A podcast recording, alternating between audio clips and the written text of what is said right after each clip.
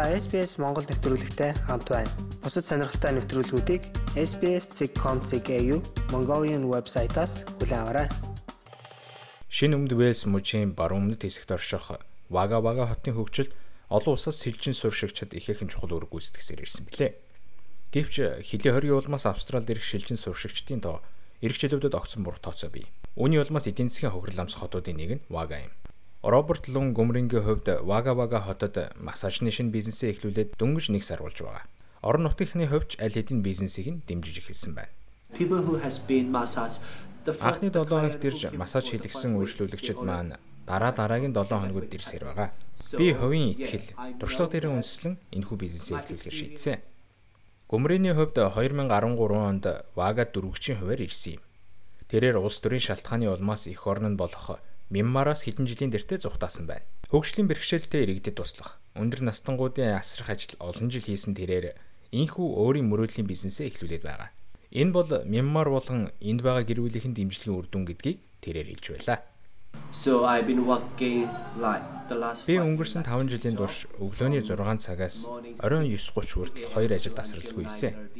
Миний хувьд хоёр ажил зэрэг хийдэг байсан нь Вага дахь гэр бүлийнхээ амжиргааг залгуулах байсан юм.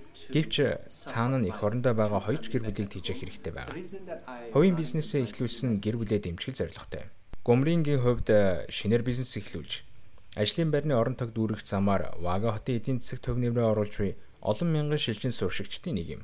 Тэрээр түүнтэй адил шинэ бизнес эрхлэх орон зай тус хотод байсаар байгааг онцолж байлаа. If there's a more population mean Хуамын тоёх байх тусмал бизнес эрхлэгчдийн хувьд амжилт олох боломж нэмэгдэж байдаг. Вага хотод илүү олон хүн суурших хэрэгтэй байна. Вага хотод хүн амын өсөлт хэрэгтэй байгаа нь тэмч нөөцөл биш юм. Гадаадаас шилжин сууршигчид чухал үүрэгтэй тус хотын захирагчаар олон жил ажиллаж буй Грег Конкигийн хувьд хүн амын өсөлтийг юун түрүүн тавихаа хүлээн зөвшөөрөх ихний хүн юм. I think over the last 5 uh, years Сүүлийн 5 жилийн турш шилжин ирсэн хүмүүсийг харвал дийлэнх нь англиар ярьдаггүй. Эсвэл гадаадд төрсэн хүмүүс байгаа. Энэ ч утгаараа манай хол шилжин суршигчид болон дөрвөсддөр ихээхэн дүшиглэн хөгжиж байна. Цаашдаа ч ингэж хөгжсээр байх болно. Өнгөрсөн 10 гаруй жилийн хугацаанд Вагаас суурьсан хүмүүсийн талаас илүү нь гадаадаас ирсэн хүмүүс бөгөөд хүн амынх нь тоо 65 мянгаыг давж хотын эдийн засгийн гол хөдөлгүүр нь тэд болжээ. Орон нутгийн төвүүдийн хувьд худалдаа, ангаах ухаан, инженерийн чиглэлээр мэргэжсэн ажилтнууд шаардлагатай хэвээр байгаа юм. Гэвч энэ жилд гэхэд гаднаас ирэх шилжин суршигчдын тоо 85%-аар огцон буурахаар байгаа нь Вагад хүн цохил болно гэж Чарльз Стюарт их сургуулийн доктор Ята Бандарагаас эхлэн хэлж байна. This COVID thing has a huge impact, huge blow towards Вага. Вага зэрэг орон нутгийн хотуудын хувьд ковид маш том цохид үзүүлэхээр байна. Энэ нь ганцхан жилээр зогсохгүй. Үүнээс илүү урт хугацаанд буюу дараа жил, тэрний дараагийн жил гээд эх 2 жилдээ үргэлжлэхээр байна. Түүхийн талаас нь харсан ч шилжин сүршигчдийн хувьд австралчуудын тооддоггүй. Эсвэл хийхээр бэлтгэгдээгүй орон нутаг дахь ажлын байруудыг дүүргэсээр ирсэн гэдгийг доктор Бандара мөн хэлсэн юм. The other aspect of this, uh, you know, Хөдөө орон нутгаар is боловсон өөрчлөлт дутагдал үүсч байгаа нэг шалтгаан нь uh, орон нутгийн залуус тэнд ажиллахыг хүсэхгүй байх хандлагатай холбоотой юм. Харин тэдний үүсгэсэн орон зай гадаадаас шилжиж ирсэн хүмүүс дүргэж байна. Тиймээс орон нутагт гадаадаас шилжиж ирэхсэд хэрэгтэй байна. Нин ялангуяа мэрэгжилтэй боловсон хүчин хэрэгтэй байна. Мужийн засгийн газраас Вага хотод өсвийн дэмжлэг үзүүлж эхлээд байгаагийн дотор 250 сая долларын өртөг бүхий Special Activation Precinct төсөл юм. Үүний гол зорилго нь томоохон хотуудад үйл ажиллагаа явуулдаг бизнес, аж үйлдвэрийг орон нутагт салбараа нэхэд ятгах явдал юм.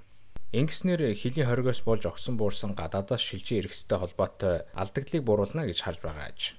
Түүнчлэн мужийн засаг захиргаанаас Вага хотын хүн амыг 2038 он гэхэд 100 мянга хүрэх амбицтай зорилго тавиад байгаа. Хэдийгээр одоогийн нөхцөлд энэхүү зорилго биелэхэд илүү урт хугацаа шаардлагатай мэт санагдаж болох ч цар тахлын нөлөөгөөр хөдөг зорих шин төрлийн хүмүүс гинэт нэмэгдсэн байна.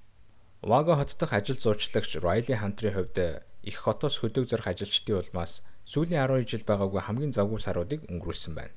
In regards to like domestic migration, Дотоодын шилжих хөдөлгөөн маш ихээр нэмэгдсэн тодорхой байна. Нин ялангуяа Сидней, Мельбурн, Камберагаас ирэх хүсэлтэй хүмүүсийн хүсэлт байна. Үүнд ковид нөлөөсөн гэж би харж байгаа. Компаниудын хувьд орон нутаг руу шилжих талд илүү нээлттэй хандаж байгааг ноён хантер хэлж байлаа. The more senior and professional services type roles Олон жилийн төв мэрэгжлийн үйлчлэгээ үзүүлдэг төрлийн ажлуудаас бусад салбараас ирэх хүмүүс нэмэгдсээр байгаа. Миний хувьд ганц хоёр байгууллага Вага шилжиж ирсэн явдлыг маш их дэмжиж байгаа.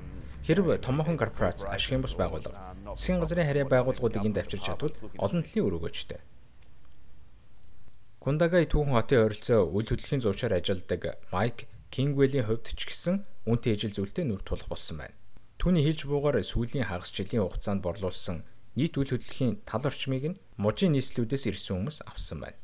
Өдөөний жижиг хотуудад үйл хөдлөлийн салбар төсөл гарсаар байна. Бид хэд хэдэн хүнтэй ярихад бусад жижиг хотуудад ч эрэлт нэмэгдсэн бөгөөд зарим газарт нийлүүлэлтийн хомсдол үүсэт байна.